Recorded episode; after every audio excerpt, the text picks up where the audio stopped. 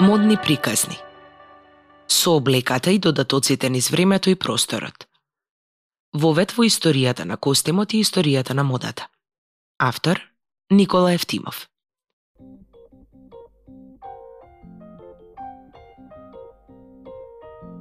Во воведот на незината, сега веќе антологиска книга, прирачник на историјата на костимот и модата, Кристина Джорджети го изнесува ставот дека дизајнерот во реалноста не измислува нешто ново, туку го преработува обштествениот и личниот багаж, давајќи конкретна форма на собствените идеи.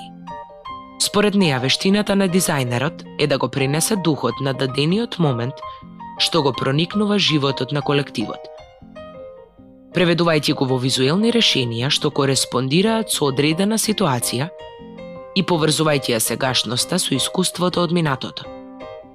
Да предложи дизајнерски решенија што истовремено се иновативни и познати.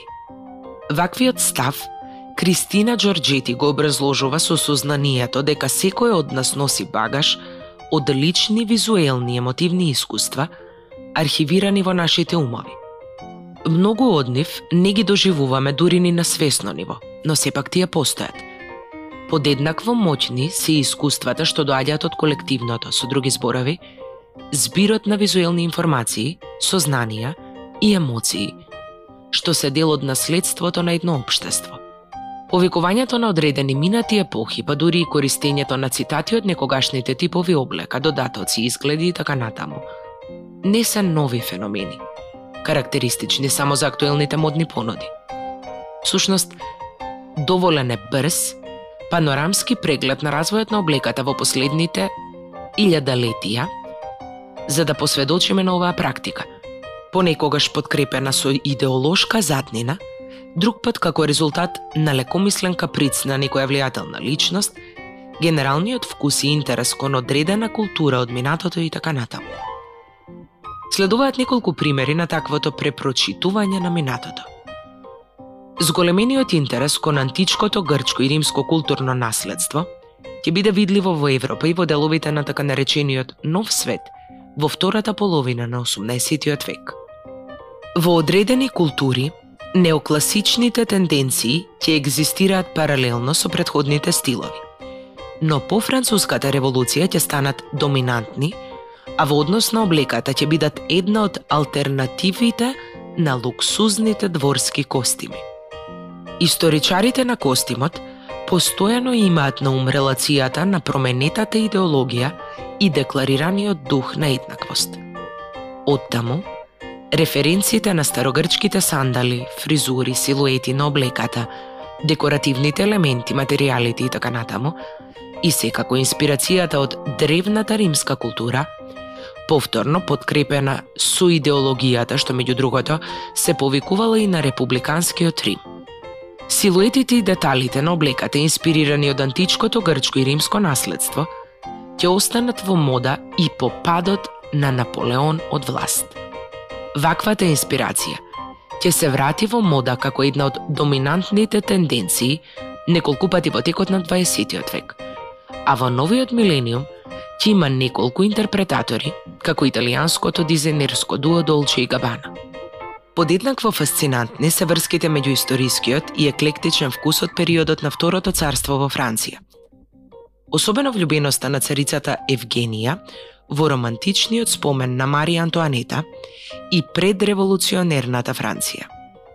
Облеките со силуети, дефинирани од кринолини, подсетуваат на некогашната дворска облека со пание, а на облеката знаеле да бидат аплицирани декоративни елементи, инспирирани од периодот на Луи 14. Повторно, ваквиот интерес е видлив не само во облеката, туку и во дизајнот на покутнината, општо интериерите, објектите од применетата уметност и така натаму. Во периодот по Втората светска војна и обидот за првично стабилизирање на модната индустрија во Франција, Кристијан Диор во 1947 година ќе го предложи новиот изглед.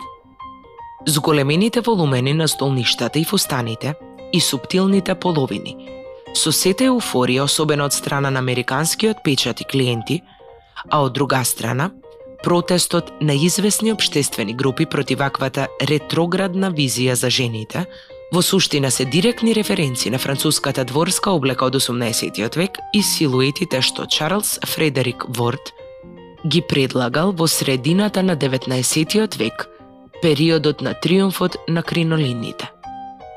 Се добива чувство како да се имало потреба од заборавање на мизериите на војната со помош на ново предложениот луксус. Секако, подкрепено со економската мотивација поради многобројните метри ткаенина потребна за реализација на еден фустан.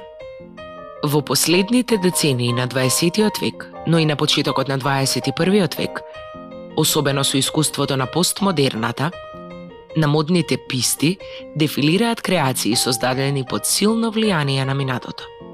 Кристијан Лакроа ќе најде вечната инспирација во костимот и културата на Франција, особено од 17 и 18 век. А подоцна Джон Галиано, работејќи за Диор, постојано ќе се инспирира од минатото и ќе ги преработи архивите на многу историски париски ателија. Препрочитувањето на минатото нема да и биде туѓо ниту на бунтовната Вивиен Вествуд, која покрај играта со изворниот панк, деконструкцијата, рециклирањето, ползувањето на модата како медиум за комуникација и спраќањето политички ангажирани пораки и така натаму, речи си постојано ќе се повикува на британското, но и по широкото европско и светско културно наследство. Темите на истражување на историјата на костимот и модата се многу комплексни и постојано во допир со многу дисциплини. Затоа и интердисциплинарниот приот – во расветлувањето на историскиот развој на облеката и модните додатоци. Феноменот на облеката постојано се анализира во релација со сложениот историски контекст, во кој што настанува и се конзумира, со внимателно исчитување на економските, обштествени, религиозни и други фактори што придонеле за манифестацијата на одредена мода или стил.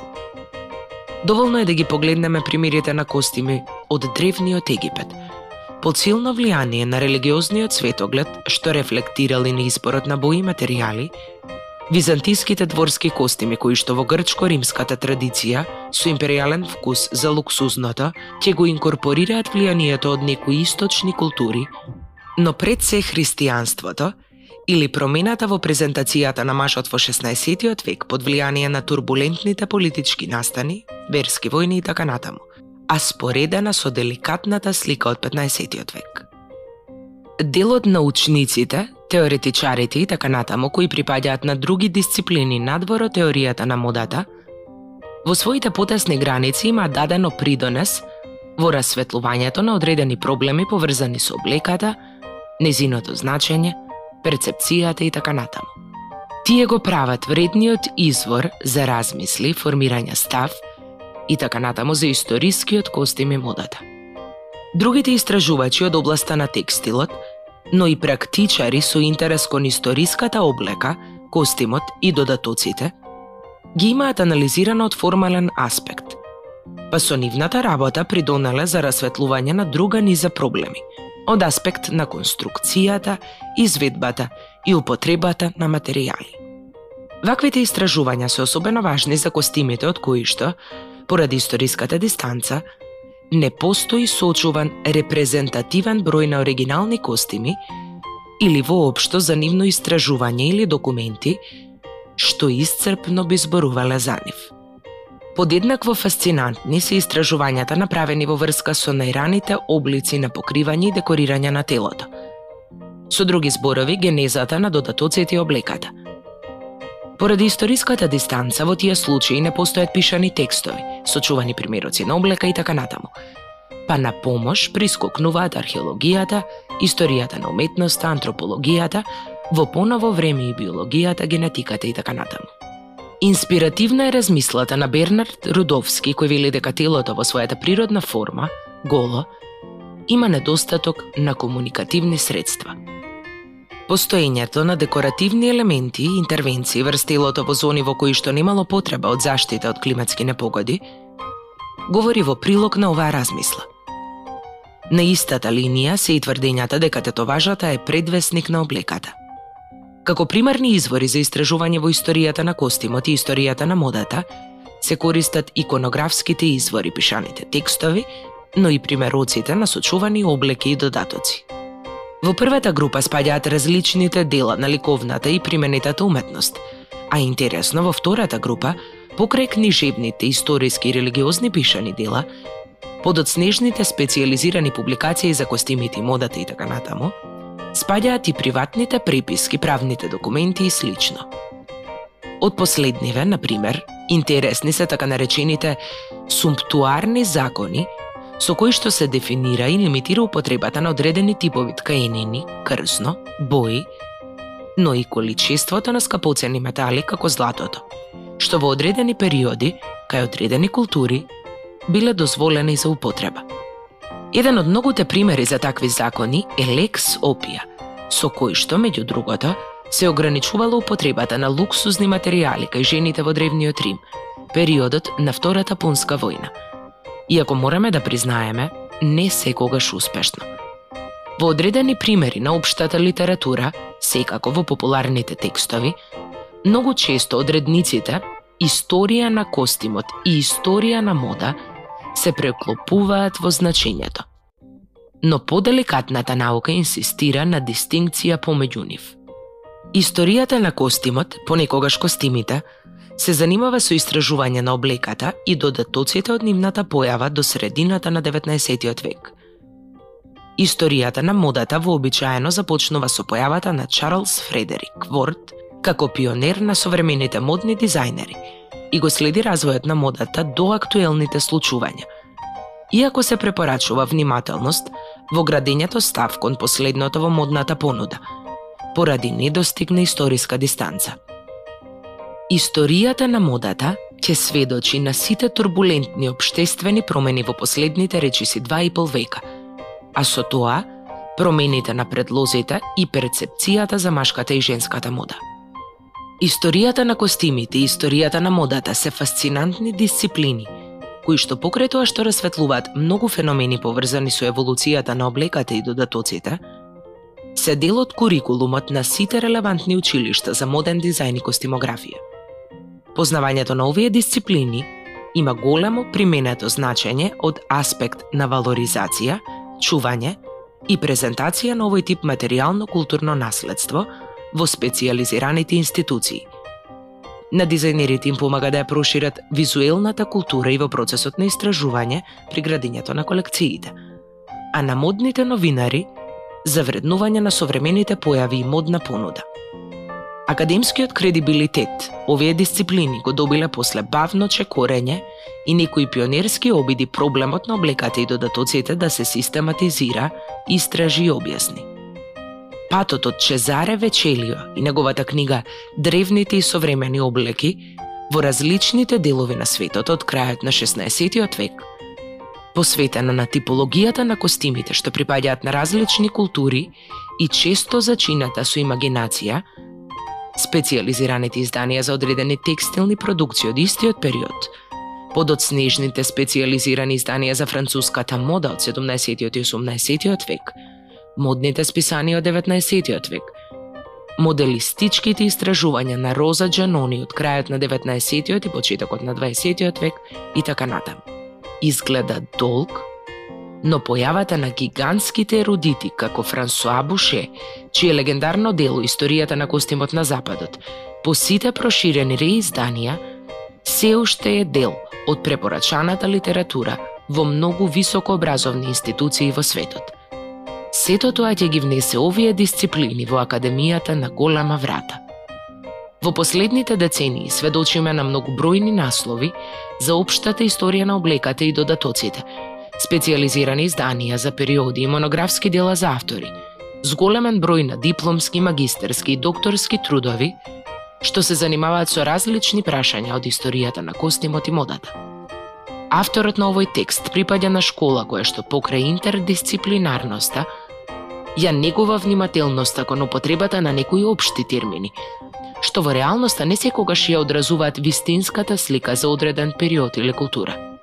Например, наместо употребата на терминот ренесансен костим, се предпочита употребата на фрази како костимот во Фиренца во првата половина на 15 век, Наместо барокен костим, француската дворска облека од периодот на владењето на Луј 14 и така натаму. Исто така, вообичаена е употребата на оригинални термини за облека и додатоци во зависност од културата и периодот на кој што припаѓале. Ваквиот пристап овозможува попрецизна дистинкција во типологијата и оневозможува генерализација, па дури и банализација на костимот и модата, како во случај на употреба на генерички термини. Модни приказни е дел од подржаните проекти од национален интерес за 2021 година од Министерството за култура на Република Северна Македонија –